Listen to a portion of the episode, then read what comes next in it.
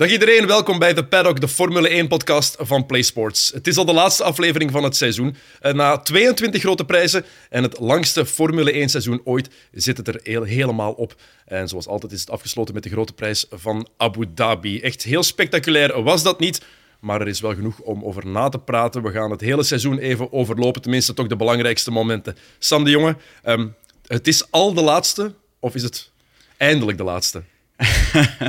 Eh, moeilijk. Wat is het juiste politieke antwoord? Je moet Eh, gewoon eerlijk zijn. Nee, nee, ik- We doen niet aan Ik politiek. ben wel blij dat het, dat het eh, op zijn einde is gelopen. Ook omdat, omdat de spanning er al even af was. Eh, ik denk dat dat de belangrijkste factor is. Ik bedoel, ik kijk graag naar Formule 1 races. Eh, maar als er niet meer echt zoveel is om voor te vechten, dan, dan valt die spanning wel weg. En ik denk dat we zo verwend zijn geweest vorig jaar. Dat blijft nog altijd een beetje nazinderen. En als we gisteren die, die, die last lap van Abu Dhabi 2021 terugzagen, dat was zo ongelooflijk spannend. En ik heb niet het gevoel dat we zo'n moment dit jaar hebben gehad. Ehm, dus Dat is, dat was jaar- understatement Ja. dat we zo- zo'n moment niet hebben gehad. Dus ja, ik hoop toch een beetje op eh, 23. Oké, ehm, we gaan het seizoen overlopen, hebben we gezegd. Mm. Dus dan is er maar één iemand die we konden uitnodigen. Ja, voilà, je geeft het zelf aan. Het is een heel lang seizoen en dan moeten we een beetje in de geschiedenis kijken. We hebben daarvoor nodig, een encyclopedie. Eh, en dat is onze Gert Vermeer. Dank je wel, Sam. Dag Gert. Dag Dennis. Eh, we gaan eerst nog even terugblikken op de laatste grote prijs. Lang gaat dat niet duren, want wat valt er eigenlijk te zeggen over deze grote prijs? Eh, dat het een mooi afscheid was van Sebastian Vettel. Al dat de waar. rest is niet zo belangrijk, denk ik. Met één sportieve zaak, hè? De, het vice-wereldkampioenschap. Ik denk dat dat het opmerkelijkste is. Ja. Het ging tussen Leclerc en tussen Sergio Perez. Een van die twee ging vice-wereldkampioen worden. Het is de Ferrari geworden. De Ferrari-rijder die tweede mag ehm, zijn voor altijd. Het is wel, wel tof dat Ferrari in de 22e en laatste race van het seizoen er eindelijk in geslaagd is om een goede strategie op te stellen. Dus kunnen dat is al goed, hè? Ze kunnen het, hè? Dus ze kunnen het. Ja, en Red Bull niet. Nee, Hebben ze daar de bal misgeslagen? Ehm, ja en nee. Hè. Ze hebben eigenlijk... Er zijn een paar momenten geweest waar Perez tijd had kunnen winnen. Ja. Bij de start bijvoorbeeld, dat Verstappen hem doorgelaten. Dat was al, dat had al geholpen. Meteen daarop inpikken misschien. Had Verstappen hem moeten voorlaten? Nee, natuurlijk niet. Oké. Ja, ja, nee, hij moet niks. Hè. Hij moet Na, niks na, na vorige week. Nee. nee, nee, inderdaad. Ik vind, en Verstappen heeft met zijn prestaties die positie verworven en hij mag doen wat hij wil. Hè. Hij, hij moet niet als Perez naar voren wil, ja, dan zal hij daar zelf moeten voor zorgen. Trouwens, een mooie opmerking van, van Verstappen gisteren achter de race in de, de persconferentie. Toen hij zei van, ja, ik vond het wel jammer toen ik op het grote scherm zag hoe Perez vast zat achter Gasly en Albon. Ik denk bij mezelf, je zit tegen 300 te koersen en je kijkt naar televisie, Ja. hoe dat je teammaat vastzit. Dus ja, dat, dat toont het verschil aan tussen Verstappen en Perez. Hè. Verstappen die rijdt met zijn vingers in de neus en Perez die zit daar te zwoegen als... Ja.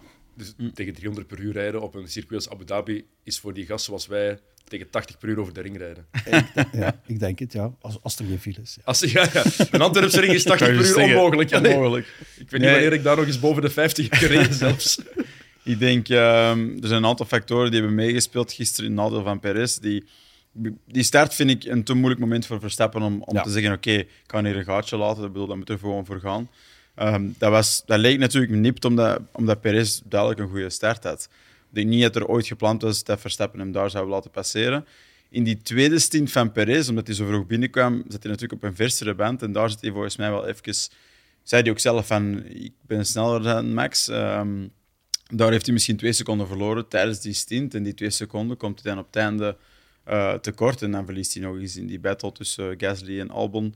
Misschien een seconde, anderhalve seconde. En, en die, de, de optelsom daarvan is dat Leclerc tweede wordt. Nou, er is nog ergens een seconde, hè. die met Lewis Hamilton. ja, Lewis Juist. Hamilton die de weerwraak heeft genomen voor vorig jaar. Hè. Checo is een legend toen hij hem ja. drie ronden lang heeft opgehouden. Hamilton is er niet drie ronden lang in geslaagd, maar toch wel twee. En dat heeft Perez ook wel belangrijke tijd gekost. Hè. Hadden ze voor een éénstopper moeten kiezen bij, bij Perez? Hadden ze hem later moeten laten binnengaan? Want iedereen schrok er wel van. Toen hij, toen hij binnenkwam, na 16 ronden, dachten we allemaal wel, oeh, dat is, dat is wel heel snel. Het was snel, maar ik denk als je op voorhand kiest voor een tweestopper en je merkt dat je aan het eind van je eerste stint riskeert om vast te zitten, dan is iets wat vroeger stoppen is niet slecht. Hè? Maar ja, je, je wist niet op voorhand dat het eh, een slechte strategie. Durf het zelfs geen slechte Nee. noemen. Het was, het was een, een gewaagde keuze tussen de éénstopper en de tweestopper. En heeft Perez vrij baan, wat utopisch is eigenlijk hè, tijdens de grote prijs. Maar dan is die strategie wel sneller dan éénstopper. Maar ja, je hebt nooit vrij baan. Hè. Dat Dat- is het. Ja, het was ook noodzakelijk, denk ik. Hè. Ik bedoel, hij, hij zat duidelijk te struggelen met zijn banden, Ja. die rechterboorband, eh die er slecht aan toe was. Dus stel nu dat ze dan alsnog een eenstopper hadden gedaan, hadden ze hem alsnog voor een eenstopper vroeg moeten laten binnenkomen. En dat hij op het einde van de race echt wel heel veel tijd verloren. hè. Mhm. Dat hij heel lang die tweede stint moeten maken. En dan had Leclerc hem waarschijnlijk ook komen halen. Stel dat hij daar aan voor was gebleven in track position. Dus ik, ik geloof niet dat het had gewerkt. Ze hebben gedaan, ze hebben actueel gekeken wat er werkte en hebben dan gekeken, oké, die band is er erg aan toe. Laten we aanvallend kiezen. En we gaan twee stops doen, maar we gaan aanvallen constant. Dat hebben ze geprobeerd. Maar ik denk dat we ook wel eerlijk moeten zijn in de evaluatie tussen bijvoorbeeld een Max Verstappen en een Sergio Perez. En Max Verstappen zou die strategie waarschijnlijk wel doen werken, omdat hij agressiever durft inhalen. Dat is dan ergens wel de verantwoordelijkheid van Perez zelf, die inderdaad bij Hamilton of in dat verkeer toch niet even efficiënt is. Hè? Ja, En als we ook terugblikken over het hele seizoen, Perez heeft hele goede momenten gehad. Maar ik denk dat het wel de juiste rangschikking is als we afgaan op de kwaliteit van de rijders dit seizoen en wie wat heeft laten zien. Ja. Als we terugblikken op 2022, dan wordt het dominantie van Verstappen en ergens gemiste kansen voor Charles Leclerc, want die was ongelooflijk sterk dit jaar. Negen keer op pole, hè, toch? Daarom. Charles Ja, dit jaar, oké. Maar drie overwinningen, als je dat vergelijkt met Verstappen, zeven keer pole, vijftien overwinningen. Het contrast is groot. Maar wel negen keer pole, dus wel snel. Maar niet consistent genoeg en niet betrouwbaar genoeg. En voor Ferrari rijdend en nog van die dingen. Ja. Maar Leclerc verdient die titel. al- Het is, het is niet zo'n belangrijke titel, hè, vice-wereldkampioen. Dat is iets voor iemand die nooit wereldkampioen gaat worden. Dus misschien wel belangrijk voor Perez. Ja. Maar Ja. voor Leclerc is dat niet zo belangrijk. Ja, we gaan er allemaal van uit dat Leclerc ooit wereldkampioen wordt. Hè. Ja, Dat is, dit is geen evidentie, maar zo Ja. getalenteerd en zo goed is hij wel. Ik, ik denk dat dat, dat is iemand die in zo, dat, dat klein, in die kleine window, dat echt voor de speciale talenten is, daarin kan die heel goed werken. En Ja. daar komt zijn talent tot uiting. Die werkt buiten dat window ook wel minder goed. Dat is een beetje wat Hamilton ook heeft. Ehm, Verstappen vind ik dat minder. Die, die kan in heel veel omstandigheden presteren, ook als die in, in het midden van het veld moet vertrekken. Maar als je kijkt naar de tweede seizoenshelft, waarbij Ferrari toch iets betrouwbaarder werd, ehm, nee, minder betrouwbaar werd, daar was, werd Sainz eigenlijk beter. En dat, was, dat, dat is niet zo duidelijk naar voren gekomen, omdat die auto veel uitviel. Maar in vergelijking met Leclerc begon Sainz in de tweede helft van het seizoen wel iets beter te doen. En ja beter zeker. te- Ik, ik vond eigenlijk al in, waar was het dat Sainz gewoon heeft Silverstone. Ja, Toen vond ik het een blunder van Ferrari van, van waarom laat je nu Sainz Leclerc punten afpakken? Hij gaat die punten nog nodig hebben. Maar eigenlijk was dat toen een goede zet van Mattia Binotto, want zo heeft hij vertrouwen gegeven aan Sainz. En Sainz, tweede helft van het seizoen, even knie van Charles Ja. Leclerc. Hè? Dus, maar tegen, oké, hem dat- was, tegen hem was Leclerc eigenlijk al een beetje het vertrouwen kwijt van Fer- Ferrari kan dit winnen. Ja. En dus dan komt hij buiten dat window waar hij zo goed in werkt Ja. en presteert hij eigenlijk niet meer top. Maar als je hem een topauto geeft, dan geloof ik absoluut dat hij en een topteam Ja. die, die, die structureel goed in elkaar zitten, dan kan die wereldkampioen worden, absoluut. Maar dat zorgt er dan wel voor dat ze volgend jaar problemen gaan hebben tussen Sainz en Leclerc. Ja. Net zoals Russell en Hamilton bij Mercedes.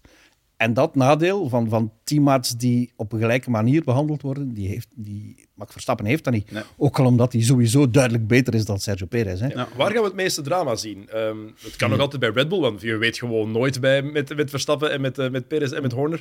Maar krijgen we het meeste drama bij Red Bull, Mercedes of Ferrari volgend jaar? McLaren. Alpine. ik ging net zeggen Alpine, denk ik. Alpine met Aston Martin. Ja, ja. Overal. Ah ja, ja, Aston Martin. Ja. Alonso en, en, en Stroll. En eh, Ocon en Gasly bij Alpine. En McLaren, daar vrees ik eigenlijk een beetje voor Piastri. Want Norris met Het is een zijn auto... team, hè? Ja, ja, en met een auto die niet echt goed was dit Ja. jaar, heeft hij toch een paar mooie dingen laten zien. Hè. Enige rijder van de top drie, eh, buiten de top drie, die op een podium heeft gestaan hè, dit jaar, Norris. Ja. Is de enige. Enige, Ja. dus. Top drie teams. Hij heeft heel, heel onzichtbaar rondgereden, maar, Ja. maar op een niveau dat eigenlijk veel hoger is dan de wagen die erin zit. Maar als ze we kijken naar die wagen, gelukkig dat het vaak onzichtbaar was. Ja. Ik hoop echt dat ze daar iets aan doen en dat je drocht. Ja. Maar het is gewoon, ze hebben daar, daar in het begin was dat papaya veel, veel duidelijker zichtbaar, maar ze hebben het er moeten afhalen omdat dit te zwaar was. Hè. Maar Dus, de, de reden is super mooi waarom ze terug naar dat papaya zijn gegaan. Ja. Omdat vroeger, in zwart, toen het zwart-wit televisie was, de enige kleur was die er anders uitzag. Ja, dat is juist. Super mooi om, Ja. om die historische reden, maar dan doen ze daar iets raars mee. Ja, dat is- Maar dat is subjectief. Dennis houdt gewoon niet van oranje. Dus eh, Duidelijk. dat is misschien de is dat- reden. is dat Kijk, oranje ehm, of rood? Eh, Nederland speelt vandaag. Mijn grootouders zijn Nederlands. Ik moet die een beetje steunen. Steun voor het vrouwenbasketbal. Ja, Ah, oké. Zelfs in een Formule 1-podcast. Oké, eh, we hebben ook afscheid moeten nemen van een paar rijders. Ja, Eh, Daniel Ricciardo, zijn Formule 1-carrière zit er mogelijk op. Mick Schumacher, wat daarmee gaat gebeuren, is een vraagteken. Nicolas Latifi, die zijn carrière zit er zeker op. Hij nog? Daar kunnen we wel van uitgaan. Trouwens, ja, Latifi en Schumacher, Ja, opnieuw in Abu. Dhabi. Ja, knullig, hè? Ja, ik vond het knullig, van, vooral van Mick Schumacher. Dan. Ik denk niet dat Latifi daar nu veel schuld aan treft, maar goed. goed. Het was het duidelijkste bewijs dat ze eigenlijk geen plaats in de Formule 1 verdienen. misschien dachten ze nog dat er een wereldtitel te verdelen viel. hè.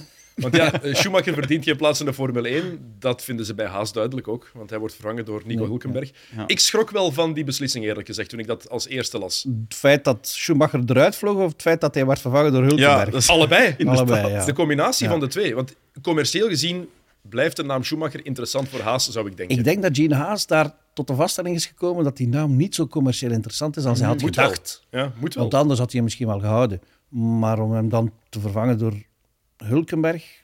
Ik een beetje disrespectful, maar volgens mij op Luca Badoer na de grootste loser uit de Formule 1. Hè. 181 races en geen enkel podium. Oké, het feit dat hij 181 races heeft kunnen rijden, betekent wel dat hij een en ander kan natuurlijk. Hè. Anders gaat een team hem niet weer binnenhalen. Maar het is zodanig op safe spelen. En er zit ook geen lijn in die rijderskeuze van Haas. Hè. Vorig jaar met twee rookies en volgend jaar met twee rijders die samen 100 jaar zijn. Ja, ja het, is, het, is, het is een vreemde keuze. Ehm, ik denk inderdaad ook wel dat de waarde van Mick Schumacher voornamelijk werkt als je die naam op een Ferrari zet. Dat zou best Dat, is, dat is de echte... Oké, dat is uniek en dat is het beeld dat iedereen kent. Ik vind nu ook de speculatie van hij gaat dan naar Mercedes, want daar is Micha, Micha Schumacher heeft zijn carrière daar geëindigd. Oké, hij heeft een heel lange eh, relatie met Mercedes gehad, ook eh, Le Mans en zo gedaan. Ja, ja. Maar prototypes, maar ik, ik vind toch Schumacher en Ferrari, dat is één. Als je dat niet doet en als je dan ergens achteraan bengelt in een Haas, dan denk ik inderdaad niet dat dat zoveel waarde heeft. En zeker voor een Amerikaans team, voor Gene Haas, die is zoiets van ja, die Europese geschiedenis er rond. Ja, I waarom, don't care. waarom haal je dan iemand als Hulkenberg binnen? Zijn er dan geen betere opties? Dat is de goedkoopste Om optie, denk ik. Voilà, Ah, goedkoopste om gemiddeld goed te scoren. Ja, voilà. En spijtig nu dat gemiddeld zegt eigenlijk veel over Hulkenberg. Zegt iets wel over zijn kwaliteit. Dat is niet iemand dat hoog scoort, geen podia haalt. Maar dat is wel iemand dat slim genoeg is om goed te werken met een team. En dat is niet iemand dat zoals Grosjean en Magnussen heeft ook soms, heel soms briljant is, maar voornamelijk fouten maakt. Dat is Hulkenberg wel niet, denk Nee, ik. nee, nee. Ik ook. Hij heeft één keer een fout gemaakt toen hij op weg was naar het podium hè, In in, die- Duitsland. in Duitsland. Ja. Toen iedereen dacht van, kom, je hebt nu de kans om eindelijk dat podium te scoren, dan schuift hij ernaast. Ja. Maar aan de andere kant, het is de, de veiligste optie. En volgens mij heeft Gene Haas iets in zijn achterhoofd. Hij, ik kan niet zeggen dat Gene Haas overloopt van enthousiasme voor de Formule 1. Hè. Nee, Dat kan je moeilijk zeggen. hè. Het contrast met Günther Steiner is groot. Gelukkig dat Steiner er is als teambaas, als teammanager. Ehm, maar als eigenaar, volgens mij heeft hij de Formule 1 goed bekeken. Is dat een goede investering geweest? En hij wil zoveel mogelijk return on investment. En als je dan een rookie hebt die drie auto's totaal losrijdt, dan wordt dat, re- die return iets minder groot natuurlijk. Krijgen we hem nog terug te zien in de Formule 1, Mick Schumacher? Ik, dat hangt ervan af eh, hoe sterk de volgende generatie is. Of de, degenen die nu in de Formule 2 zitten, hoe die zich kunnen ontwikkelen. Want je gaat eerder iemand nemen waarvan je denkt, die kan een grote worden, dan iemand die al een eerste kans heeft gemist. En zit er, is er zo iemand die nu nog geen zitje krijgt? Er zijn niet heel veel namen momenteel. Drugovic is kampioen, maar Ah, heeft ja, daar dus- hoeveel seizoenen voor nodig Ja, gehad? ook, Ook, ja. eh, drie zeker of zo? Ja, drie seizoenen, ja. En het Ehm, feit dat hij nog nooit, voordat hij nu bij Aston Martin zit, in, een- in een filière is opgenomen, Felipe Drugovic, Eigenlijk straf. dan, dan dat zegt ook al iets. Hè. Er valt gewoon niemand echt op, zoals we een aantal keer Nee. hebben gehad met Russell, met Piastri, Norris. eh, Norris allee, met de gasten die er echt uitsprongen en die het nu ook goed doen. Ik denk niet echt dat, er, dat die generatie zo indrukwekkend is, dus daar heeft hij dan misschien geluk. Misschien Ja, dat hij dan een zitje dat nu gevuld is, dan kan terugvullen. Eh, ik denk ook als, als Logan Sargent niet naar Williams had gegaan, omdat hij buiten die top 6 had geëindigd in Formule 2, dan had volgens mij Mick Schumacher wel dat plekje gepakt. Dat zou, Hmm. Ja. dat zou logica zijn geweest. Hè? Maar kijk ook, het jaar waarin Mick Schumacher de Formule 2-titel pakt, in zijn tweede seizoen. Mhm. De rijders die toen in de Formule 2 bleven het volgende seizoen, die zijn allemaal naar huis gereden door de nieuwe generatie die er toen aankwam. hè, De Piastris van deze wereld. Tsunoda. En Tsunoda. En Ja. dat, dat zegt ook al iets. Dat betekent dat die lichting van Schumacher in de Formule 2 niet zo heel sterk was. Kan gebeuren soms natuurlijk. Ja. Eh, we nemen wel afscheid van een van de absolute legendes van zijn lichting en in de geschiedenis van de Formule 1. Sebastian Vettel, viervoudig wereldkampioen, meer dan 50 overwinningen. Ehm, kan in de top 10 van beste Formule 1-rijders aller tijden. Lijkt Ja. me. Ja. Moet Vier, zelfs in de top 10. Absoluut. vier keer wereldkampioen. Ja, daarom. Dat is genoeg, hè? Daarom. Ehm, we gaan straks ook even terugblikken op de topmomenten van het seizoen. Mhm. Maar als jullie terugdenken aan de carrière van, van Sebastian Vettel, is er zo één moment dat er bovenuit steekt? Dat jullie altijd zullen onthouden, in positieve of 21. negatieve zin?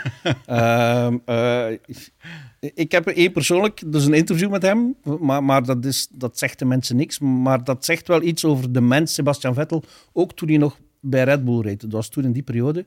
En, en het is eigenlijk toen al duidelijk dat hij nooit een blad voor de mond nam. Als je Sebastian Vettel one-on-one interviewt in Spa-Francorchamps en je stelt hem de vraag wat is het mooiste circuit ter wereld en hij weet dat je voor een Belgische krant werkt, 19 van de 20 rijders zeggen Francorchamps. Niet Sebastian Vettel. Die zegt Suzuka. Ja. Omdat Suzuka, en dat is ook wel, hè, die heeft eh, vier dubbele linksen en Spa heeft er maar één.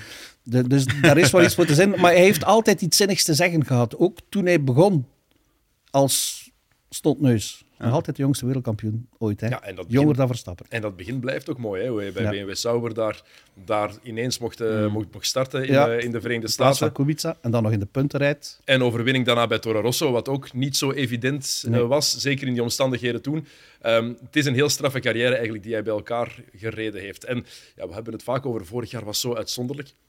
2010, het jaar waarin hij voor het eerst wereldkampioen wordt, Ja. is even uitzonderlijk als wat we vorig jaar gezien hebben eigenlijk. Met vier rijders aan de start Voilà. van de laatste race die nog kampioen kunnen worden.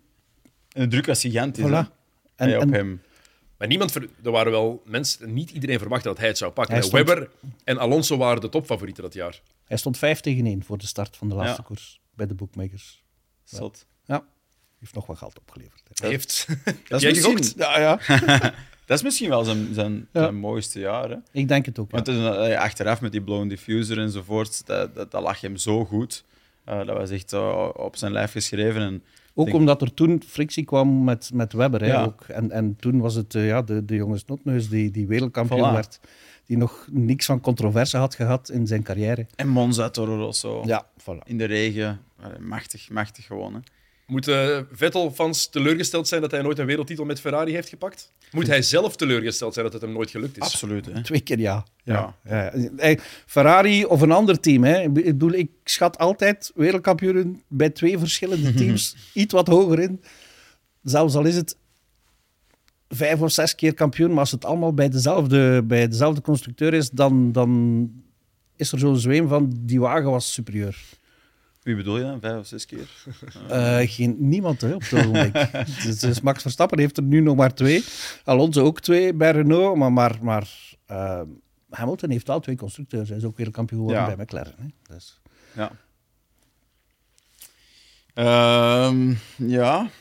Hm. Moeilijk. Ik, ik vind dat... Ik, je hebt natuurlijk niet altijd de kans om, om bij twee topteams te rijden. Dat heeft met timing te maken. Die beslissing, je kunt dat niet altijd inschatten. Maar ik vind inderdaad Vettel... je kan er ook zelf voor zorgen, hè, Ja, Sam. hij heeft er dichtbij gestaan, denk Ja. ik, bij Ferrari. En, en, en ik denk dat Hockenheim daar in het Ja. grind schuiven was zo'n pijnlijk en, en misschien een van de diepste punten van zijn carrière. Misschien is Ehm, dat wel de vraag. De Ferraris waarin hij gereden heeft, waren die goed genoeg Twee keer. om wereldkampioen mee te worden? Ik denk twee keer. 19, Ik dus denk dat het jaar wel. Van Hockenheim. ja, ja. Ja, en wa- die waren Ja. toen ook niet super legaal, denk ik, toen op dat moment. hè. dus achteraf gezien was het misschien wel juist dat hij, dat hij daar niet mee gewonnen En- heeft. en Maar het- Vettel was toen nog wel in zijn prime van, Ja. van, van goed rijden. Ik vond achteraf, eh, was die, zeker tegen het einde van zijn Ferrari-carrière, was hij zo wat kwijt, want hij was het denk ik beu en lukte niet. En Nou, toen was er ook Charles. Leclerc. Hè? En, Ja. niet, en niet meer Kimi Räikkönen naast hem. Ja, Dus ik Dat denk, de- het feit dat er zo- zo'n jonge wolf ineens naast je komt die hetzelfde niveau haalt. Ricciardo was hetzelfde. bij bij, bij Red Red Bull Bull. was ook al gebeurd. Dat gaat nu ook gebeuren bij Russell en Hamilton, Mm. ongetwijfeld. Over Ricciardo, ik heb Beyond the Grid eh, beluisterd eh, vanmorgen nog ehm, met, met Vettel. En hij zei, Ric- we gingen over be- beste en snelste ploegmaats en het ging over Ricciardo. En hij zei nu achteraf gezien, ja, ik was toen heel gefrustreerd door hoe de wagen mij niet paste. Mhm. Maar eigenlijk was Ricciardo gewoon sneller en beter dan ik. Ik vond het heel mooi dat hij dat eerlijk toegaf. Van, eigenlijk was die gewoon dat jaar superieur. Ja, het was volgens mij het beste seizoen van Ricardo nu achteraf bekeken. Ja. Dat is jammer, want Het potentieel van, van die kerel is zodanig groot. Het is er nooit echt uitgekomen. Hè. En het gaat er ook niet meer uitkomen, eerlijk gezegd. Nee, gaat hij eh, gaat hij nog een reddingsboei pakken? Want Hij gaat bij Red zou Bull, Red Bull eh, daarom. Ja, hij gaat er als derde rijder. ehm, maar, Donut- maar- donuts draaien. Hè. ja, maar voilà, want dan is ook de vraag van... Dat is ook niet iemand dat je honderd dagen in een donker kamer in een simulator zit. Nee. Dat is niet iemand dat dat gaat doen. Je zit hier met een ster. Die gaat niet achter de schermen al het werk doen. Want dat is zo als simulator. Als jij, als jij Daniel Ricciardo bent en er zijn geen andere opties, Ik, ah, neem jij, neem jij die, die reddingsboei aan? Hangt er vanaf hoe, hoe bindend zo'n contract is. Maar als ik Daniel Ricciar- Ricciardo ben en ik heb zoveel geld verdiend in mijn Formule 1-carrière en ik heb duidelijk nog veel talent en ik wil de wereld rondreizen, dan zou ik echt iets anders gaan doen. Dan zou ik IndyCar gaan doen of een prototype eh, kampioenschap op, op het hoogste niveau. Door, daar kan die sowieso binnen geraken. En dan amuseer je jezelf op een andere manier. Of, of supercars, hè. dan kan die... Ja, kan blijkbaar is, is dat het probleem, volgens wat ik begrepen heb van een interview dat Ricardo dit weekend heeft afgelegd. Hij wil gewoon niet racen. Hij, hij Dat is iets anders natuurlijk. Hij, zijn hoofd Ja. zit, zit vol, zegt hij, met, met het racen. En dan kan ik me wel voorstellen dat je dan zo'n rol wil bij Red Bull. Een Mm. beetje simulator rijden, wat, wat demo's gaan doen. Zoals David Coulthard ook lange tijd heeft gedaan. Eigenlijk pakt hij de job van David Coulthard af, denk ik. en, en, dus, en dan zegt hij, ja, als ik dat dan tof vind, dan blijf ik dat misschien doen. En als ik dan merk na een half jaar dat ik het racen mis, want ik denk vooral dat hij dat wil Wil voelen, voelen. Ja. dat hij dat mist, dan ga ik werken aan een comeback. Wat verstandig is. Hè? En ik vind het ook heel moedig dat hij terugkeert naar Red Bull, want eigenlijk dat is niet Nee. herbeginnen van op nul, dat is herbeginnen van op min 5. Ja. Natuurlijk, je weet nooit of het helemaal ontploft tussen Perez en Verstappen. En dan, Perfect. dan, dan staat hij Dan staat daar. hij hè. in. Voilà, voilà. Ja, en ik denk dat hij ergens zo hoopt dat hij... Stel dat hij een echte test kan hebben hè, bij Red Bull, een Pirelli-test of zo, dat zal misschien wel kunnen. En die kan zo een glimp van die briljantie laten zien aan Red Bull. Dat Red Bull zo zegt, hmm, inderdaad, wel toch interessant. Of- en zij hebben, het en zit zij- er nog altijd in. Voilà, en zij hebben inderdaad geen opvolger voor Perez, of ze hebben niemand om die wagen te zetten, of Perez is ziek, of iets anders. Dan maakt hij daar waarschijnlijk de meeste kans om in te Ja, stappen. ja. En ook, misschien ook voor zichzelf weer eens opnieuw voelen hoe het voelt om met een echt goede wagen te rijden. Hè? Ja. Want die hem bij hem past. Want, want de McLaren van Ja. vorig jaar was geen slechte wagen. Heeft er trouwens ook wel een race mee gewonnen, hè, Monza, voor Norris. Ja, maar maar ja, blijkbaar past die McLaren niet helemaal bij zijn rijstijl. En dat is dan ook het verschil tussen de superkampioen en een gewone goede rijder, om het maar zo te zeggen. Een superkampioen die kan zich aanpassen. En een gewone goede rijder, die, die zit een beetje vast dan. Die heeft dan, die struggelt. Maar is er ergens niet geen vergelijk, een duidelijk vergelijk tussen Vettel en, en Ricciardo in de zin van dat zijn misschien twee van de meest menselijke types in de Formule Ja. 1-wereld. En dat zijn misschien ook wel twee van de grootste talenten die na een tijdje afgeleid geraakten van oké, er is meer in de Door het, wereld. door het echte leven. Ja, want Vettel ja. die kan dat nu benoemen en die zegt dat nu heel mooi gisteren. Dat is heel duidelijk. Maar ik denk dat bij Ricciardo dat ook al redelijk vroeg gebeurt. Dat hij zegt van oké, je hebt racen, en, maar ik heb nu geld en ik heb- kan ook andere dingen van de wereld zien. Ik vind het ook altijd heel grappig hoe dat wordt, wordt onthaald, hoe die perceptie is. Want Vettel zegt dat, en Ja. hij is dan de familieman, dus dat is, oh, dat is mooi. Ja. Hoe Ricciardo het doet, ja, everybody loves Daniel Ricciardo. Maar als Lewis Hamilton andere dingen doet buiten de race, dan is het, hij is ja. niet met zijn sport Hij bezig. gefocust. Hij is niet gefocust. Ja, dat is zo Ja. hypocriet als de pest. dat klopt. Maar, maar Hamilton, die, die, die zegt daar zelden bij wat Vettel gisteren wel zei. Het leven is meer dan alleen maar rondjes draaien. Maar die laat het wel zien, hè? Hij laat het wel zien. Ja, maar, maar, die, is politiek, die is altijd politiek dri- eh, driven, moet ik dat zeggen. Gedreven om, om het juiste antwoord te geven, om, om goed over te komen. Dat de perceptie zeker klopt over hem. Als er een probleem in de wereld is, dan was hij er ervoor niet mee bezig, maar het is dan populair en dan gaat hij er mee bezig zijn. Sorry, dat is Lewis Hamilton. En dat vind ik zo flauw aan hem. Ik bedoel, Maar ik vind het even flauw dat mensen het dan ah, ja, go- goedkeuren en het dan, dan- dan aanmoedigen dat Ricciardo dingen doet buiten de Formule 1. En goed dat die mens ja, dat wel, dat hij ziet dat er een leven daarnaast is, net zoals Vettel. Maar bij Hamilton zou het dan niet goed zijn en zou het hem afleiden. Zelfs al wint hij zeven wereldtitels. Voilà. Nee, voilà. dat is, ook geen, dat is ook geen eerlijk vergelijk. Nee, inderdaad. tuurlijk Ik heb geen probleem met wat Lewis Hamilton erbij doet. Ik vind dat cool dat hij met muziek bezig is, met andere dingen. Mode. Ja, met mode, Wat oké, was dat- is dat smaak, maar Dat goed. paarspak. Mooi, hè? Ik vond het mooi. Voor, eh, van het laatste van de lunch, en van die, van die dinner daar. Ja? ja Was, perfect. dat, dat was de parachute. Dat is geen parachute. Alsjeblieft. Hij had er misschien een nodig, ja. Oké, ehm, ik heb jullie gevraagd om eh, drie topmomenten te kiezen eh, van het seizoen. Ja. Ik had eigenlijk eerst vijf gevraagd, maar Ja, Ik heb er vijf op. Ah, maar maar ik, ik top. vond vijf eigenlijk niet genoeg gisteravond. het is moeilijk, hè? hij wil er meer. Ik wil er meer, ik wil er Hoeveel tien. tijd hebben we? We hebben nog eh, 38 minuten. Oké, Oké, oké. ça va, hè? Ja, toch? Hè? Ja, voilà. Het probleem Dus is moest even eigenlijk op, op voorhand zeggen, Dat is en, lastig, en, en Sam is daar mee akkoord, denk ik. Een echt hoogtepunt, één, Ja. echt, is er niet. Hè? Nee. Genoeg, genoeg memorabele momenten, dat wel. Maar ik, toch heb ik het jullie gevraagd. Dus Gert, jij bent de gast. Eh, wat Ja. is jouw eerste moment? Ehm, ik ga beginnen bij de eerste koers. De dubbele opgave van de Red Bulls. Godverdomme, mijn Ah, ja, ja, ja, ja, ja, beginnen. Mooi. Eh, dus Verstappen en Perez die uitvallen, zeker na die Ja. echt uitstekende wintertests en dan ineens Red Bull die uitvalt. Ik had toen zo'n beetje, en het is niet mooi, maar, maar ik had zo, het wordt toch nog een spannend seizoen. Ja. Want Red Bull is dan wel snel, maar ze zijn niet betrouwbaar. Dus we gaan nog een spannende koers krijgen. En dan Verstappen die dan in Australië ook nog uitvalt. Perfect. 46 punten achter. Drie, rond, drie koersen later staat hem op kop. En toen zei hij ook nog: Ik ga niet meedoen voor het wereldkampioenschap. Zei hij zelf, hè, ja. Zei hij zelf. Ja. ja, voor mij exact hetzelfde. Ik bedoel, de terugkeer van Ferrari. Ik denk dat iedereen zo ergens van binnen blij werd, ongeacht of dat je echt supportert voor dat team. En dan Red Bull die uitviel, wat denk ik eerder tegen het einde, einde van de race was. Eh, ja, ja twee ronden voor het uitvielen. einde. Twee Voilà. ronden voor het einde. Dus dat was dan de zotte verrassing. Dat iedereen besefte ineens, dit kan wel eens een spannend jaar gaan worden. Ja. En Ferrari is terug. Voilà, en Dat Ferrari is terug. En dat is prospect te hebben in de eerste race van het seizoen, in plaats van een processie te hebben waarbij dat de usual suspects winnen. Dat had veel minder spannend geweest. Dus dat was voor mij ook wel zo direct raak. Nieuwe generatie auto's en direct van oké, dat gaat hier toch iets anders zijn. Ja, en eigenlijk ook heel straf als je dan kijkt hoe het drie races later was. Hoe snel ze bij Red Bull hun zaakjes weer op orde Ja. hadden. In Spanje stond hij al op kop, hè. Verstappen. Oké, omdat Mhm. dat Ferrari dan een fout had gemaakt en ook minder betrouwbaar bleek dan iedereen dacht. Maar toch, die eerste seizoenshelft tot, tot Frankrijk. Frankrijk, Frankrijk die, die geef ik een 8 op 10. En die, de tweede seizoenshelft, Ja. die, 5 op 10. Hè, want er was niks meer aan te doen toen. Hè. Nee, absoluut. Ehm, heel straf dat dat zo slecht begon voor Red Bull. Ik denk ook niet dat we dat verwacht hadden. Nee. Voor het seizoen van start ging, dat Red Bull daar moeite mee ging hebben. Met dat seizoenbegin.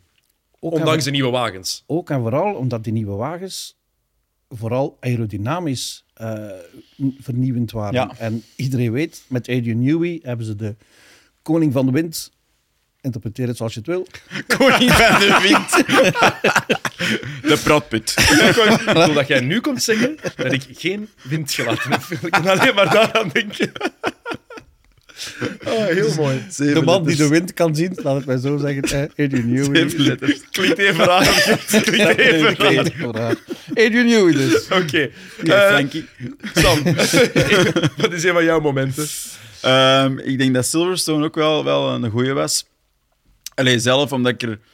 Ik vind dat van buitenaf geen aantrekkelijk circuit, maar als je, ik heb er zelf gereden in ELMS, in een proto. Dat is een, een machtig circuit, dat heeft zowat alles. Ehm, en, en dat vond ik ook een mooie Grand Prix. Ook omdat dat veel zeggend was voor, de genera- voor die nieuwe generatie wagens die daar Ja. met elkaar aan het vechten waren, rondenlang. Dat hadden we nooit kunnen, kunnen zien in de vorige generatie. Dus dat gaf ook weer zo ergens van, oké, Formule 1 is de juiste richting ingedraaid, denk ik. Ik denk het feit dat, dat we hebben enkel op aerodynamisch vlak vooral een aanpassing gehad dit jaar. Het is spijtig dat dat niet samen is gekomen met, met, met nieuwe motoren, want dat, dat had volgens mij nog meer... Of net minder. Ja, of niet minder, maar het- er was misschien een kans dat er nog meer strijd had geweest. Ehm, maar ik vond dat een mooie Grand Prix. Sainz die won, wat dan ook nog eens, denk ik, voor ons bevestiging was van Ferrari goed bezig. Maar zelfs als Sainz kan winnen met Ferrari, Ferrari zeker goed bezig. Ik dacht toen nog van, oké, die strijd met Red Bull dat kan echt tot het einde duren. Achteraf Ja. zijn we een beetje teleurgesteld, zacht gezegd. Maar ik dacht dat ook wel toen nog. Hè, ja. Maar ehm, ik vond dat een mooie Grand Prix. Veel inhaal, eh inhaalbewegingen. En gewoon... Misschien wel de race van het jaar. Ja, dat was een van de Brazilië was ook niet slecht. Ja, hè. Brazilië, inderdaad. Die kwam nog later in het lijstje terug. Maar ik vond, dat, ik vond dat een coole race, een cool weekend. Sainz die wint. Ook wel iemand die je het gunt. En zoals jij er straks ook zei, Gert, iemand die dat nodig heeft Mhm. eh, om dat vertrouwen te tanken. Eh, en je gunt hem dat, omdat je weet van als hij dat vertrouwen heeft, dan kan hij mooie dingen laten zien. Dus soms, dat is bij Russell ook. Je bent blij als die wint. Je weet dan, oké, die is voorbij dat punt. En vanaf nu kan hij gewoon Ja. zich nog meer smijten. Je zegt net, het is een machtig circuit als je erop gereden hebt. Ehm, voor ons niet-racers en mensen die er nooit gereden hebben, die misschien wel racen of karten. Leg eens uit, wat maakt dat zo machtig als je daarop rijdt in een, eh, in een snelle wagen? Ehm, ik denk dat veel circuits zijn ehm, of heel technisch of heel snel. En heel snel is meestal... Dat, dat klinkt dan eh, meer exciting, maar eigenlijk sneller betekent meestal langere rechte stukken en, en snelle bochten. En in de Formule 1-wagen, hoe sneller dat je gaat, eh, hoe beter die aerodynamica werkt. En eigenlijk hoe minder de challenge, ondanks de hogere snelheid. De kunst ligt meer in, in de technische stukken. En Suzuka is daarom ook zo'n mooi circuit. Waar je een gemiddelde snelheid rijdt in bepaalde bochten. Uh, maar wel de challenge hebt van heel scherp te moeten draaien. Hè? En Silverstone heeft dat. Die, er zijn een aantal lange rechte stukken, een aantal hele snelle technische bochten en een aantal tragere stukken met trage, trage technische bochten. Het heeft gewoon van alles een beetje. Spa is in die zin iets eentoniger, dat is voornamelijk snel. en dan heb je maar een, een, aantal tragere bochten die het dan weer interessant maken. Ja, wat Silverstone en Suzuka hebben, en Spa niet, is bochten met hoge snelheid met richtingverandering. Ja. De de ja, S's van, van Suzuka, uh, S, back, ja, ja. Baggett's en Maggots in, in, uh, in, in, Silverstone is een S tegen hoge snelheid. Daar voel je en daar merk je ook het verschil tussen de echt goede rijder en iemand die het iets minder kan of durft. Ja, absoluut. Ja, er is gewoon veel techniciteit op het circuit.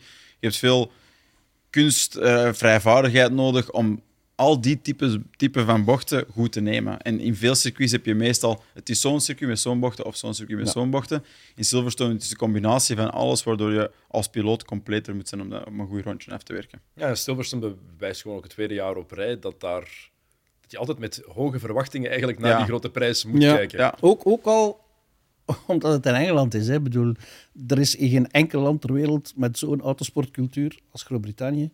Engeland dan zelfs nog meer dan Schotland of Wales. En daar weet je, daar heerst een sfeer en die is zelfs op televisie te werken. En dat is zo vreemd, vind ik altijd. Want, want oké, dat je ter plaatse bent en dat je heel die massa mensen die echt voor de sport komen, niet om gezien te worden of naar een haven op beton gaan kijken. Uh, maar die autosportsfeer die hangt daar echt. En dat merk je, ook Monza is net hetzelfde. Dat, dat merk je zelfs aan televisie, in, op televisie. Oké, mooi. Dus- Volgend moment. Voor mij? Ja, voor jou. Ah, eentje om Sam te pesten dan. uh, de grote prijs van Mexico. De tweede helft van de grote prijs van Mexico. Ay, caramba. De stint van Max Verstappen. Echt perfect. Mm voor, voor mij de beste prestatie van Max Verstappen van dit jaar rondje na rondje na rondje mm. na rondje, dezelfde rondetijden. Op banden die, die het echt niet echt aankunnen in theorie. En ondertussen op de hielen worden gezeten door beide Mercedes'en en die komen niet dichter. Het is een race die je echt de hele tijd moest volgen om te kunnen appreciëren, denk ik. Maar dat hebben wij hier gedaan ja. toen. Maar met ons commentaar of niet? Absoluut. Dus ik, ik volg... af, hè, maar... Uh... Bij mute dat. Nee, maar ik volg Sander in. Als gewoon neutrale liefhebber was ik daar ook niet echt van weggeblazen. Maar als je dan achteraf die cijfers bekijkt, ja. dan maakt het, het dat wel indrukwekkender om op terug te kijken. Het, het is zo'n soort race dat je eigenlijk met, de, tijd, met, de, lifetime ja. naast je moet kijken. En iedere ronde merkt van, toch weer dat, toch weer dat. En dan, dan apprecieer je dat okay, als je gewoon zit te kijken, en ik heb het ook tijdens de uitzending gezegd, iemand die, die vier ronden mist en die dan weer komt kijken, ja, het zijn weer dezelfde vier, dezelfde volgorde, er is niks gebeurd. Mm. Hetzelfde tijdsverschil. Voilà. Een, een voetbalmatch die op 0-0 eindigt, kan ook een mooie voetbalmatch zijn. Ja, dat is, dat is waar. Dat is, dan appreciëren de kunst van die sport. En achteraf bekeken snap snap ik dat wel. Maar puur, wij bekijken het dan als kijker eigenlijk. Ja. Als, jullie, hmm. als je in dat kot zit en je zit daarover te praten, dan zijn ze wel meer immersed erin en betrokken. Uh, maar vanuit onze stoel. En dan, ik bekijk het dan meer van het grootste deel van de mensen die dat zoals ons aan bekijken zijn. Daarin vond ik dat niet echt fantastisch. Maar de kunst van het rijden kwam er wel naar boven. Er was geen spektakel. Dat is... Nee, er, was, er was geen inhaalpoging. Ja. Die, die, heb ik dan ook wel gemist in die wedstrijd. Maar... Ergens willen mensen in autosport, het is simpel. Hè. Die willen aanrijdingen, die willen crashes, die willen tikken zien. Dat je, je vergelijkt het met een 0-0. Ik weet het, je kan zeggen een goede 0-0. En dat is effectief zo, maar ik ben daar compleet tegen. Want waarom kijk je naar een voetbalmatch? Toch voor die bal te zien. Om goals te zien. Ja zegt de liefhebber van Amerikaanse sporten. Absoluut. dat is, toch nooit een gelijk spel hè, in Amerika. Nooit, hè? Uh, absoluut wel. In de NFL, in het reguliere seizoen, in de American football, kan je gelijk spel ah, hebben. Toch, Dat is het enige, ja. Want je krijgt wel een verlenging, maar dan, als het dan na de, die overtime uh, gelijk is, dan is het een, gelijkspel. Zo'n match, zo match duurt al lang genoeg. Hè, het doel van de match is scoren. Hè? Het doel van de match is scoren. Dus, ik weet, telt dat als een woord? Is een slogan? Telt dat als een woordmop? Ik, weet het ik, weet het, ik denk het niet. Nee, oh, is, mij, het wordt afgekeurd. Dat is geen, dit is geen woordmop. Offside. Het was, het was geen mop. Het is gewoon mooi. Nee, het was gewoon, het is gewoon mooi. Spelen met taal. Spelen met taal. Oh. okay, Sam. Spelen met taal. Oké. Okay. Um. oh, wauw. Uh, nog een moment. Um, toch mijn top 3 op nummer 3. Um, Jeffrey Van Hooydonk die zich liet schminken om, om co-commentaar te geven. Ja, dat vond ik een beetje apart. Oké, maar we komen in beeld, hè, Sam. Om even te duiden, we worden natuurlijk in de, voor de studio worden wij geschminkt, eh, voor het licht en zo, en als we zweten. Hier niet. Dat zie je misschien ook duidelijk dat nu. zie- dat zien we Sorry nu- daarvoor. Nu, zeker Dit is voor de luisteraars Ja, vooral. Ja, de podcast. Maar Jeffrey van Ouding die moest co-commentaar geven met jou. Ja, met mij. ja. En eh, die had zich laten schminken. En dat is toch iets dat... Ik vind dat fantastisch. Dat blijft voor mij voor eeuwig hangen. En Shout-out. Het is niet dat je Jeffrey. achter zijn rug aan het praten bent, want hij zei zelf tegen Michel... de Ja, ja, ja. Oh, de mannen gaan mij er heel hard mee uitlachen. Maar we lachen hem niet uit. Het is, het is een bizarre vaststelling. Ja, De eerste co-commentator ooit die zich Ja. heeft laten schminken. dat liep niet zo gesmeerd. dat is dan wel een. Kijk, dat is de goeie. Voilà. Oh, Eh, welkom. top drie. Ja. Ja. Oké, als we dan toch zo'n momenten ook gaan pakken, ga ik er even eentje tussen gooien. Ehm, Gert, jij mag erop inpikken. Blijkbaar is Sam geen professionele autorijder. Eh, Volgens een van onze gasten hier in de paddock. wie heeft dat gezegd? Dat is pijnlijk. Andy, Andy, Andy. Jane. Ah ja. maar- Die zei, ja, Sam, jij bent, jij bent geen prof. We wisten allebei niet goed wat zeggen toen. ehm, ik volg Andy daarin eigenlijk. nee, nee, nee, maar ik, weet, ik begrijp wat Andy bedoelt. Hè. Sam, jij doet ook nog andere... Je, zit, je bent professioneel met autosport bezig, Ja. maar niet alleen als rijder. Nee, ik heb het Nee, je ik- bent ook coach, hè? Ja, dat is waar. Ik ben coach. Ik denk dat mijn, mijn pad gewoon niet zo normaal is verlopen. Dat is het Ehm, minste wat je kunt Ja, dat is zo. Maar oké, dat, dat is bij velen zo. Alleen de rest die hebben het opgegeven en ik ben met dat raar pad verder gegaan. En ik heb gepusht om toch iets te bereiken. Voilà. Wat ik wel vind dat dat een stuk gelukt is. Maar ik heb inderdaad niet zo, oké, eh, junior single-seaters en dan fabriekscontract kunnen scoren. Maar uiteindelijk, toen ik mijn Formula E-contract scoorde, oké, ik ben vier jaar lang betaald geweest om testpiloot te zijn. Dat is denk ik professioneel zijn. Ik word nog altijd door teams betaald om te rijden voor hun. Dat is professioneel Ja. zijn. Dus het is sowieso anders gelopen dan ik wilde. En daar kun je gefrustreerd over zijn. En dat is ook wel soms zo. Maar ik ben wel blij dat dat mijn leven is. En nog altijd, hey, dat, dat ziet er goed uit dat dat zo kan blijven. Ehm, het is sowieso wel anders gegaan. Ja, maar het is niet bijvoorbeeld... Anders ik denk dat Jana. an, an- anders. Eh, het is niet zo bijvoorbeeld... Ik denk dat Andy in zijn ogen professionele eh, rijders zijn. In zijn ogen zijn fabrieksrijders. Hè. De, Ja, ja, de ik Dries snap van deze wereld. Ja. En, en, oké, maar die pad, is die is duidelijk anders gelopen. Tuurlijk. Meestal door, door budgettaire redenen. Die... Maar, maar je hoeft niet enkel en alleen als rijder actief te zijn Nee, om van autosport je, je beroep te kunnen maken. Dat is het. nee. Zo simpel is het. Oké. Gert, nog een moment. Nog een moment. Ehm, We gaan er eigenlijk redelijk snel door, moet ik zeggen. ja, Ja, hè? wel, Ja. ja, het is gewoon oh, hey, nog eentje voor Sam te, te contrariëren. Eh, Nog eens dat fragment. nog, eens, nog eens een fragment. Nee, Baku. Ehm, na de race. Eh, Lewis Hamilton die uit zijn auto kruipt, of ja, letterlijk kruipt bijna, die bijna niet uit zijn auto geraakt. Ah, ja. Wegens de Ja. rugpijn, wegens, door het porpoising, wegens het stuiteren. Eh, ik weet dat Sam dat een beetje overdreven vond toen. Eh, maar het toonde wel aan hoe, Extreem. ja, hoe extreem deze nieuwe wagens konden zijn. Maar opeens, twee, toen was het ook duidelijk, heeft FIA gezegd, ja, we gaan ingrijpen. En de race daarna was het al gedaan. Eigenlijk dat gestuiter. Dus ze, ze hebben het ook zelf een beetje gezocht. Hè. Oké, maar die rugpijn. Gewoon ja of nee? Geloofde jij dat het echt was? Ja. Sam? Ik geloof dat die rugpijn er was. Ik vond gewoon hoe dat tot uiting kwam erover. Allee, ik, vond, ik vond het... Ik denk dat Lewis Hamilton graag letterlijk dan de pijnpunten zo wat aanduidt, extra in de pers en, en zo overdrijft om wat medeleven te krijgen. Ik vond het overdreven. George Russell die, die had ook last van zijn rug. maar- Leeft George Russell, hoe oud is die? 425? Mhm. Hamilton is 37. Hè? Ja. Uw rug, Ja. geloof mij, dat is een 12 jaar verschil. Dat Ja, is... Dat zeker kan... zo'n grote mens. Zoals u zei. Hè? Ja, toch? Meer Klopt. rug om pijn te hebben. Ehm, maar eh, allee, het, het is wel een feit wat je zegt, Geert. Dat het was extreem bij Mercedes. Zelfs in Brazilië eh stuitert Russell tijdens quali door het grind, breekt daarbij zijn headrest Ja. door zijn helm. Het zegt maar iets over heel het platform van die wagen. Dat betekent heel die wagen is bij Mercedes verschrikkelijk stijf. Eh, en daardoor was die purposing ook zo extreem bij hen en minder bij, bij de andere teams. Ehm, maar het is ook wel waar dat vanaf dat dan de FIA zei, nu gaan we daar eens een Ja. metric aan vastbinden, zodat je niet zoveel beweging kunt eh, hebben. Dat, dan plots werd het Ja, heel wat minder. heel en wat minder, ja. lukte het wel. nu op dus, het laatste in Abu Dhabi was er af en toe nog iets, iets te merken, maar het was nooit zo erg als ja. toen in Baku. Nee, want Of Imola. Oh, hey. Ja, ja, Imola. wat George Russell ook zei, het is gewoon gevaarlijk voor ons. Hè. We kunnen gewoon niet, niet goed zien. En Ja. ja, als Ja. je zag hoe, dat, hoe hard dat stuiterde, dan... Ik denk dat. Je moet er ook na elk weekend in het begin van het seizoen barstende kop Hmm. in gehad hebben. Ja, niet alleen dat. Ik denk dat je gewoon dat je rug effectief ook pijn doet. Hè. Je, moet, Je zit wel met een gat op de grond. Hè. Je, ziet, ja, je zit niet in een zetel. Je zit Nee, niet nee, in een nee. zetel hè, in zo'n zo Formule zie- 1-wagen. ja, Nee. nee. Ik heb al pijn in mijn rug van deze zetel. Dus het is eigenlijk... Nee, het- ik, denk, ik denk dat het wel een feit is. Allee, ik denk dat purposing, ik heb het nog nooit gehad, maar, maar wel natuurlijk een flatspot. Eh, Ja. dat, dat is een beetje, denk ik, hetzelfde effect. Gigantische vibratie. Eh, dan is natuurlijk vibratie in het stuurwiel, maar je hebt dan ook gewoon, ja, je zicht, je ogen, die, die zijn constant aan het counteren voor die beweging, om, om een zo recht mogelijk beeld te krijgen van de baan. En dus Het het, is is nog niet, het- is niet enkel lichamelijk, inderdaad, mentaal tegen 300 uur rem, rempunt spotten is sowieso iets moeilijk. Laat staan als, dat, als het beeld beweegt. Mhm. Dat, dat, dat vind ik toch wel pitchen af voor die twee Mercedes-piloten vooral. Dat die alsnog eigenlijk toen, eh, in, in al die races, hebben die volgens mij zich wel eh, het resultaat gemaximaliseerd. Ja. Ik was ook wel verrast aan het begin van het seizoen dat de teams daar zoveel last van hadden. Dat dat niet voorzien was. Dat dat niet voorzien was. Ik bedoel, Je weet toch, als de luchtstroom onder de wagen gaat, dat er een vacuüm wordt gecreëerd. Ik bedoel, dat wisten ze al in het begin de jaren tachtig. Maar niemand was daarop gekomen, behalve de, de koning van de...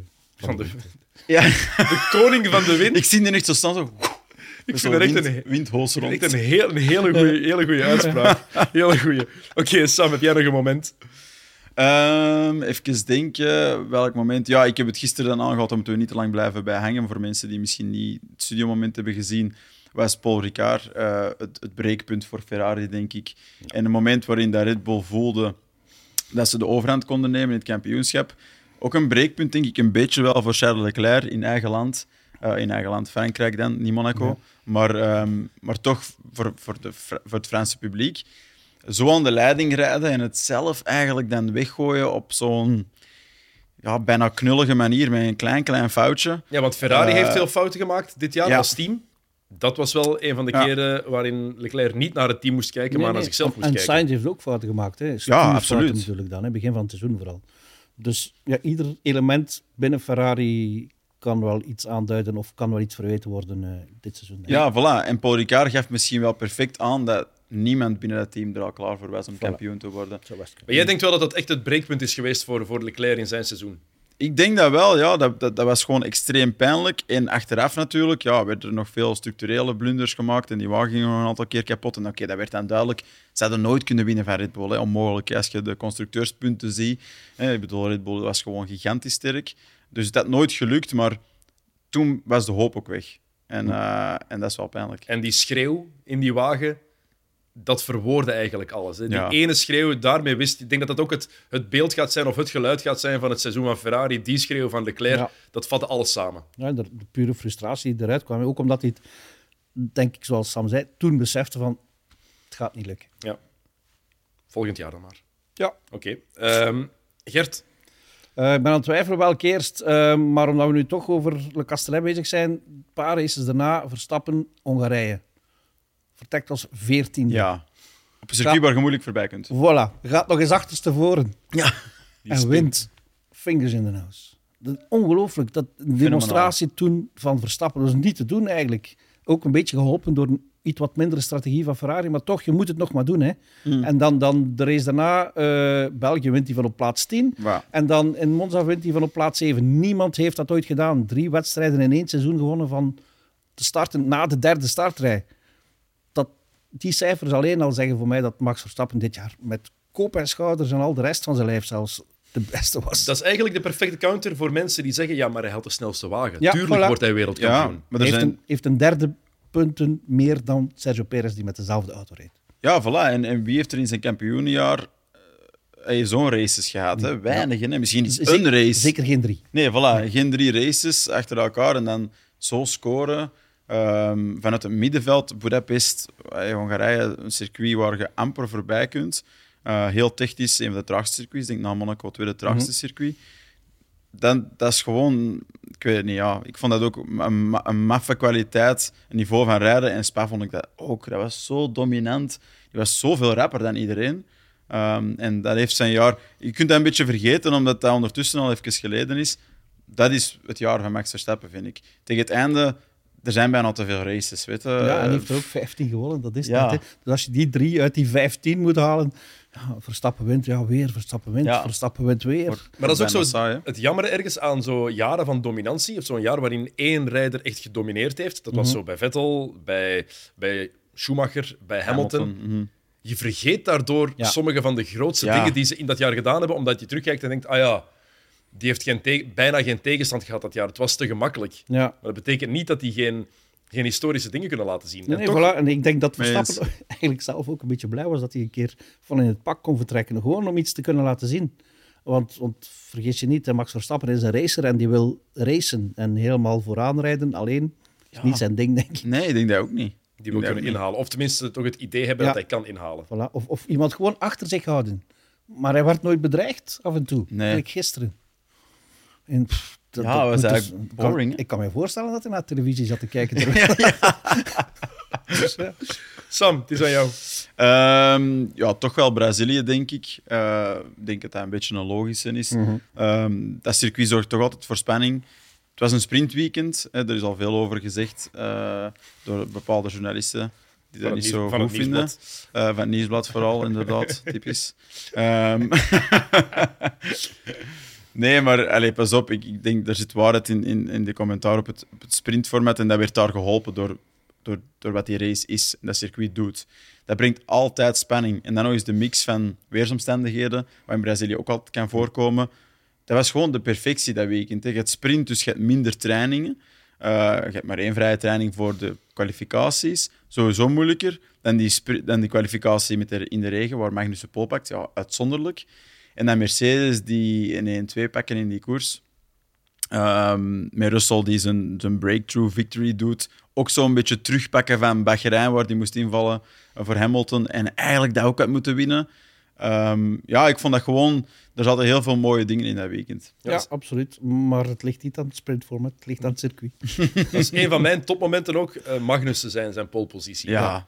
En die reactie. De, de reactie ervan, Exact. vooral. Exact. Omdat we eindelijk nog eens die pure Ja. vreugde hoorden. Bij Verstappen merk je nu ook al dat het ergens wat routine is geworden. Altijd die haha. Ja, na, een, na een tijdje komt dat niet geloofwaardig meer over. Ja. Die zal nog heel blij zijn met die overwinningen. Hè? Maar je, je hebt het al wel genoeg meegemaakt. Bij Magnussen was het zo puur, zo oprecht. Je voelde die emotie ook. En dat maakte dat nog mooier eigenlijk, dat hij dat Ja. haalde. En dan nog in een haas. Ja, dan voor het hele team hè, denk ik dat dat een opkikker van je welste is. En ik denk in die lijn door te trekken, door eigenlijk het mindere element uit het team te halen, Mick Schumacher, dat ze daar heel, heel gemotiveerd aan volgend seizoen gaan Ja. beginnen. Zelfs Kevin Magnussen. Hè.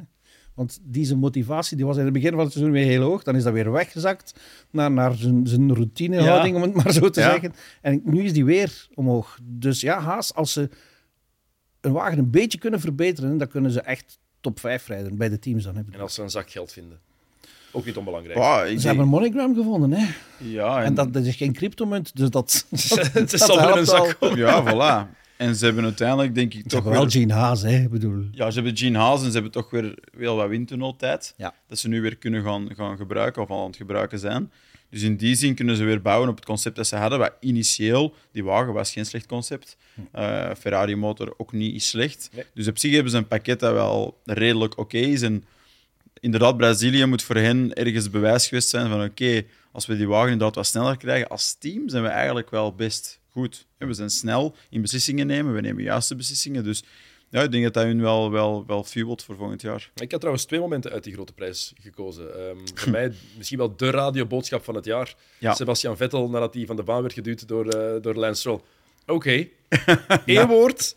Lekker sarcastisch. Zalig. Voilà. Hou ik van. Ja, absoluut. Hij, Zalig. hij werd zelfs niet, niet aangesproken over de radio. Het was zijn eigen... Als je dat vergelijkt met zijn woede-uitbarsting van twee jaar ervoor met Charles Leclerc op hetzelfde rechte stuk, waar Ja. ze tegen elkaar reden. Toen, toen begon hij zelfs in het Duits te vloeken, wat hij normaal gezien nooit doet. Hij houdt het altijd in het Engels, maar toen was het zelfs in het Duits. En ja, nu was het ja, andere mens geworden, denk ik. Ja, Een beetje. Echt. En wat sarcasme, dat is al, ey, Ja. altijd goed. Werkt altijd. En derde bo- radioboodschap, hè. Ja, Max Verstappen, hè. Ah, ja, ja, ja. Dat blijft toch... Ja. Allee, dat blijft... Ik wil er niet over bezig blijven, maar het viel mij gewoon heel hard op. Ik bedoel, we hebben er toen... In, we, hebben er- we hebben dat uitgebreid besproken met Merk hier in de paddock, maar ik vond het opvallend doorheen heel dit weekend, dat laatste weekend, hij werd niet gelauwerd als de kampioen. Hij is vooral uitgefloten. Hij, voilà, hij is uitgefloten geweest. Er, er hangt een, toch een negatieve sfeer rond. Je kunt dat niet ontkennen. Je ziet het. Je Ja. ziet ook dat hij dat merkt. Ja. En dat, dat, dat is natuurlijk niet leuk. hè. Je bent kampioen geworden. En dat kampioen worden, dat, dat, dat viel al in het water, letterlijk en figuurlijk, in Japan. Met die, met die troon, en dat was eigenlijk allemaal zo belachelijk. Maar hier wordt hij eigenlijk ook niet echt... Nee, inderdaad. En, en het is... Allee, pijnlijk toch? Ik, ik vind het zelfs straf dat Red Bull nu zegt het is allemaal opgelost, maar we gaan het eh, intern houden. Eh, we hebben het intern uitgesproken en het komt niet naar buiten. Dat is dom. Want dit is bijna zo dom als, als Max Verstappen. Nee, het is dommer eigenlijk dan Max Verstappen die die boodschap aan het publiek zegt, want dat Ja. is niet verstandig van hem. Maar het is nog dommer om die lijn nog wat door te trekken en dat nog geheim te houden. Want iedereen wil weten wat daar gebeurd is. En bovendien, als ze het nu zeggen, ik ben ervan overtuigd, het spreekt in het voordeel van Verstappen. Ja. Verstappen heeft dat niet zomaar gedaan. Het is geen, geen klootzakje, om het maar zo te zeggen. Nee. Want zeker, ze komen dan nu met een uitleg, met een officieel statement, waarin staat, ja, we hebben het Verstappen te laat laten weten. Hij wist het pas in de laatste, in de laatste bocht, of wat zeiden ze?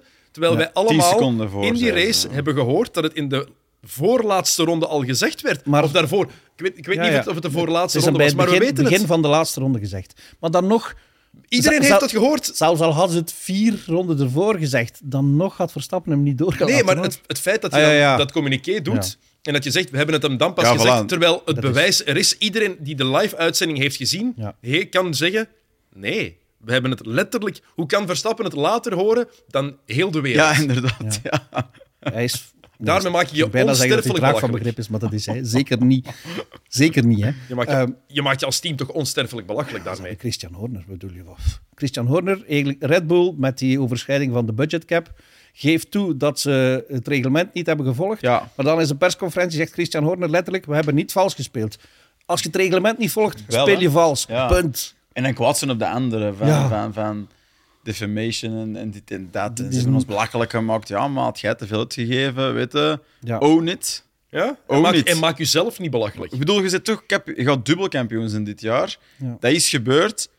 Own it. Ja, en en zij eerlijk erover, ze transparant erover, dan krijg je respect. Maar als je dat niet doet, ja, dan, dan, dan ontstaan er zo mysteries rond, rond die budgetcap, maar nu ook rond die radioboodschap, waarbij de mensen niet goed weten welke kant kiezen, want ze hebben niet alle informatie. En, daarom komt er ook dat boegroep voor Max Verstappen nog extra bij. En dat is niet Tuurlijk. eerlijk voor de grote kampioen die hij is. Maar nee, Nee. alles gaat ten nadele van Max Verstappen, terwijl hij daar nergens iets kan aan doen. Niet aan het feit dat ze te veel geld uitgeven. Nee. Niet aan het feit dat ze hun rijders niet onder controle hebben. Hmm. Wat Christian Horner nooit heeft kunnen doen. Hè. Niet bij Vettel en Webber, Klopt. niet bij Verstappen en Ricardo, niet bij Verstappen en Perez. Ja, Dus wat zit die man daar eigenlijk nog te doen? Multi 21, Seb. ja, Ja, dat zoiets. is het one.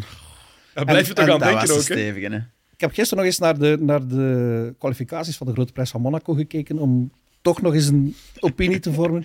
Verstappen die zei al op het moment dat hij aan de gecrashte wagen van Perez aankwam, zei al op de boordradio, ja, zo is het gemakkelijk natuurlijk. Hè. Je zet eraf zijn tijd en je zet hem in de muur. Oké, die was dus, en dan komt hij, wandelt hij terug naar de, naar de box, Ja. komt hij zijn, zijn race-ingenieur tegen, zegt hij volgend jaar andere volgorde. Dus hij, hij voelt zich duidelijk genaaid daar. Of dat dan de oorzaak is van die boodschap in, in Brazilië, dat weet ik niet. Maar het zou kunnen. Maar zoals jij zegt, communiceer erover. En het kan alleen maar Voilà. in het voordeel van Max Verstappen zijn. En vooral Red Bull heeft zijn lot al voor Probleem- jaren verbonden aan Verstappen. Het probleem is natuurlijk, Dan geef het toe. als je toegeeft dat je Perez opzettelijk gecrashed hebt, dan speelt. kom je serieus in de problemen bij de FIA. Voilà. hè. Dat is echt wel gewoon zo. Allee, Ja. Hier, de ligt je kop er maar op. en als je dan toch zoiets verzint als we hebben het pas te laat doorgegeven aan Verstappen om Perez door te laten, verzin nu dan ook iets anders. Ik maar, nu, nu zet je, Ja. ja. maar nu zet je je eigen rijder eigenlijk onbewust een Voilà. beetje te kakken. Ja. Ik vind het ook. Oh, ik vraag Is me dat- is dat- of het onbewust is. Ja, en Ja. dat er alsnog kunnen zeggen van Max voelde zich...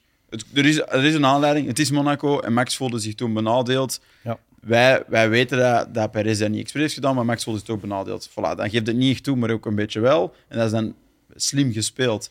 Maar nu- Slimmer. Slimmer, ja. Maar nu doen ze niks. Maar ik vind wel alsnog van Max Verstappen zelf, dat als het dan toch over Monaco gaat, vind ik het nog altijd niet echt terecht. Omdat Allee, Perez heeft vorig jaar wel echt substantieel bijgedragen aan het kampioen worden van, van En Max ook, Verstappen. en ook als het, dat vind ik dan nog als altijd het door zo één race, zo één incident komt, met alle respect, we zijn geen 12 jaar meer. Nee. Get over it. Allee, Max Verstappen heeft ook al een aantal extreme dingen in zijn carrière gedaan. omdat hij aan zichzelf denkt. Hè. En Perez, eigenlijk moet Max dus snappen van... Perez heeft toen ook aan zichzelf gedacht, misschien voor eens ene keer in zijn carrière. Hè? En, blijk, en blijkbaar, blijkbaar had het de, de grote prijs ervoor in Mexico ook al besproken. En heeft hij toen gezegd van, nee, ik laat hem niet door. Want waarschijnlijk was de aanleiding van, zou het niet mooi zijn mocht Sergio in Mexico kunnen winnen? Ja. Iedereen dacht. Eh, blijkbaar heeft Verstappen daar dan, dan heeft hij in, bijna in zoveel woorden gezegd nu in de persconferentie. Daar heb ik in Mexico heb ik mijn standpunt al duidelijk gemaakt dat ze het mij dan niet moesten vragen. Maar ze hebben het dan toch gevraagd in Brazilië. En ja, ik ben gewoon bij mijn standpunt gebleven. Wat hem siert ook. Absoluut. Rechtlijnig zijn. Ja. Eh, ik vind het gewoon jammer, zo'n grote kampioen, dat hij dan merkt dat boegeroep, zeker in Abu Dhabi, Maar ja, spijtig. Het is Niet- spijtig, niet, nodig. ja. Het is niet mooi niet, niet terecht ook. Ook al was het stom dat hij hem in Brazilië niet heeft doorgelaten, zo'n reactie is ook niet terecht. Het In mijn probleem is dat de domste mensen meestal ook de luidste mensen zijn. Ja. Dus nog. Oké, eh, nog een moment? Ehm, het afscheid van Vettel eigenlijk gisteren. Ja, het, de- het is net niet in beeld geweest, denk ik, in onze reportage, maar de erehaag Ja, van de heb ik gezien. 19 anderen Ja. eh, voor Vettel, ik heb dat nog nooit gezien. Klappen. Ik vond het fantastisch. Hij was heel emotioneel ook, hè, Ja. toen hij daardoor liep. Ik vind het persoonlijk een van de... eh, Een afscheid met heel veel gratie, met heel veel klasse. Ja. En heel veel piloten die afscheid nemen, eh, waarvan we dat weten op voorhand. Nee, dat wordt dan natuurlijk de laatste race is belangrijk en dat wordt dan allemaal gefocust op dat moment. Nu zijn we al zo'n aantal weekends bezig. Dat, heeft zich zo, dat momentum heeft zich opgebouwd rondom Vettel gaat afscheid nemen. Die, die helmet liveries.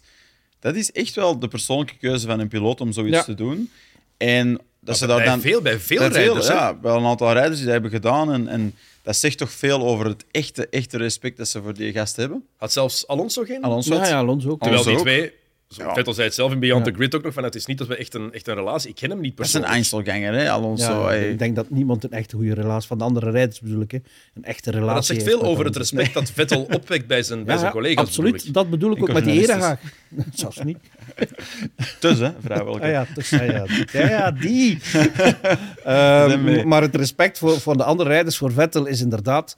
En ik denk dat ze ook wel beseffen dat Vettel meer is dan een Formule 1-coureur. Ja. En dat het daardoor is. Hey, dat is hij geworden, Ja. hè? dat was hij niet in het begin. Hè? Maar dat heeft onze perceptie misschien toch ook een beetje veranderd van Sebastian Vettel. Als je ziet hoe die geëvolueerd is als mens, of tenminste Ja. hoe die over is gekomen. Zijn evolutie, want we kennen al natuurlijk alleen- hem alleen maar van interviews die we zien en van hoe, Ja. hoe hij ik, ik overkomt vond, op televisie vond en zo. toen hij bij, bij Ferrari reed, heb ik een hele tijd een beetje een hekel aan Sebastian Irritant, Vettel. Irritant gastje. Oh, my. Echt waar. Zeker omdat dat zijn radioboodschappen Ja. van zwijg en rijd, weet je. Eh, en Ja. dat is er dan gelukkig weer Zitten uit. en raaien. voilà. voilà. En daar is het dan nadien weer uitgegaan. Ook al aan het eind van, van Ferrari, alhoewel met die, met die wrijving met Leclerc dat dat niet makkelijk was. Het heeft hem misschien ook wel geholpen dat hij bij Aston Martin niet kon presteren. En dat hij daardoor meer tijd heeft vrijgemaakt voor... voor... Maar het is ook, en wat ik ook apprecieer, hij heeft... Hij houdt zijn, zijn, zijn directe omgeving echt uit de media. Gisteren, iedereen was er, behalve vrouw en kinderen. Want die wil die echt niet in de media brengen. Schermt hij eigenlijk. hè? En, en dat, ik vind dat uitstekend. Ik vind... Die- er zijn genoeg rijders die mijn Instagram-model eh, aan de arm pronken. Hè, en ik kan er absoluut niet tegen. Eh, ja, ik denk, ik denk Vettel, die perceptie, dat is inderdaad zo. Dat is een groeifase geweest. Hè. Je had eerst Vettel Red Bull, dat was, die blaasde iedereen weg. Dat was gewoon indrukwekkend. Dat werd dan zo wat minder als Ricciardo kwam. En, en, en tijdens de relatie met Weber was ook niet echt heel, heel, heel kosher of heel zuiver. Ferrari vond ik hem ook irritant, grotendeels. En dan zelfs bij Aston Martin, daar hebben we het nog over gehad. Er is er online nog veel over gezegd geweest. Ik had dat toen ook gezegd. Van, ja, voor mij, Vettel, het vuur is weg. Ja. Ik vind dat je dan plaats moet maken. Dat stopt er dan gewoon mee. Ja. Het vreemde van alles, vanaf hij zijn beslissing had genomen, ging Was hij vrij, hè? Het Ja. vuur was weer terug, hè? Het vuur, het ja, vuur was, terug, in- was er terug, maar ik geloofde ook initieel alle randzaken waar hij mee bezig was tijdens zo'n weekend en hij wat vuil gaan rapen en een aantal foto's van Da- trekken. daar is hij- Oké. ja, dat- dat had ik hij dacht niet toen, moeten doen. Nee, dat, ik dacht toen van, dat is fake. Eigenlijk zijn ze niet meer gefocust op het rijden. Je bent niet meer goed genoeg. Maar je bent met je kop al ergens anders. Weet je, nogmaals, geef het toe, ga weg. Maar, en dan moet ik ook gewoon zeggen, nu is mijn beeld veel positiever. Omdat hem zo dat gracieus heeft aangepakt. En als je hem dan hoort in interviews, ook over zijn tijd- bij Ferrari, zegt gewoon van, oké, had ik dat willen winnen, de titel toen? Ja. Heb ik alles goed gedaan? Duidelijk, nee. En dat is zo gelopen en, en dat was dan meant to be. Dus hij is wel heel... Ja, ik vind hem heel sportief ook op dat vlak. Van mijn leven is gewoon zo gegaan. En ik heb er een groot onderdeel in gespeeld in het succes en het niet-succes. En het is ook duidelijk dat het niet fake was. Nee. Achteraf Nee, gezien. achteraf gezien. Heel, en dan moeten we onze woorden ook inslikken Voilà. op dat vlak van oké, ja, nee, het was, het, het was, eh, het was We hebben oprecht. het gisteren ook aangehaald, denk ik, dat telefoontje naar Daniel Ricciardo. ja. Dat is pra- vind Dus hij prachtig. heeft dat niet gedaan om, om in de pers mee te komen. Hè. Dat was zelfs niet de bedoeling, denk ik. Eh, maar Ricciardo heeft dus toegegeven dat Vettel hem heeft gebeld om, om hem te ondersteunen. Want het waren moeilijke tijden voor Ricciardo. Je moet rekenen, Ricciardo is wel de kerel die, Die hem... die Sebastian Vettel bij Red Bull heeft buitengereden. hè. Dat zegt alles over Vettel. En Ja. ook dat alle twintig rijders samen willen gaan eten om afscheid te nemen van één rijder. Ja. En dat Lewis Hamilton dan zegt, ik betaal. Oké, die hebben een goede band gekregen. Eh, zeker Ja. sinds wat er gebeurd is in, eh, in Baku in 2017. Die Waar Vettel even Ja. de banden gaat aanraken van eh, Hamilton, om het mooi, mooi te zeggen. Maar dat zegt Hmm. alles over hoe Vettel wordt gezien in, in de paddock en in de Formule 1-wereld. En dat is, zegt alleen maar positieve dingen Ik over denk hem. wel dat Hamilton gewoon dat BTW-briefje nodig had. Omdat hij zoveel inkomsten had gehad dit jaar. En zelfs- kosten. zelfstandige? Oh. De- misschien. Je had ook misschien een Jaguar kunnen kopen. ik denk dat hij. Ik denk dat hij. Oh, Dat is een mooie insider. Hele, ja, hele maar eh, nee, mijn zaak misschien, denk ik. eh, Ja, zo is. Dat is veel belasting betalen. is zeker een beter, beter een BVBA of een Convé, denk ik. Oké, goed mannen. eh, we gaan moeten afronden. Volgend eh, jaar is, eh, begint het nieuwe seizoen. Eerste weekend van maart. 5 maart. Kijk. Dan Dan 104 dagen. hopelijk met veel spanning. Ja, Hopelijk. Hopelijk drie teams, hè? Die kunnen Minstens. strijden voor de overwinning. Ja. Ja. Ja, ja, inderdaad. En ik dacht even, eh, met Hulkenberg die terugkomt, het wordt een, oude, een oud kampioenschap, maar eigenlijk niet. Hè, met, eh, met Piastri Ja. en Sargent en Nick de Vries. Ja, voilà. Nieuwe en Tsunoda is ook nog altijd Ja. jong. Verstappen is eh, jonger dan de Vries, denk ik zelfs. Ja, Dus om maar, is te de zeggen, het ga- hopelijk wordt het goed. Sam, dikke merci voor heel het jaar eh, Jij hierbij ook, te zitten. Of bijna altijd bij Was te zitten. plezant. Het was heel plezant, Gert. Dikke merci. Eh, gedaan. volgend seizoen zijn jullie er allebei ook weer terug. Volgend Yes. seizoen is de paddock ook weer terug. Kan je Formule 1 nog altijd zien op Play Sports. Elk weekend, zaterdag en zondag en vrijdag als er een sprintrace is. Ehm, maar nu is het Formule 1 seizoen even gedaan. Even geen autosport meer op Formule 1. Op, eh, op Play Sports beter gezegd. Maar er is wel voetbal. Eh, het WK is aan de gang. En ook al kan je die eh, matchen niet bekijken bij ons bij, eh, bij Play Sports en Play 4, je kan wel kijken naar Mid-Mid Mondial. Elke avond gaan we live om te praten over alles wat er gebeurd is of om gewoon heel ver af te dwalen. Want dat is ook een optie natuurlijk als je gewoon zevert over, over voetbal. Dus vanavond is het al de volgende aflevering live te zien op Play 4, ook te zien op YouTube en de dag erna op Play Sports of te beluisteren via je audiokanalen waar je naar je podcast luistert. Wat Formule 1 en de paddock betreft, heel graag tot in maart. Salut.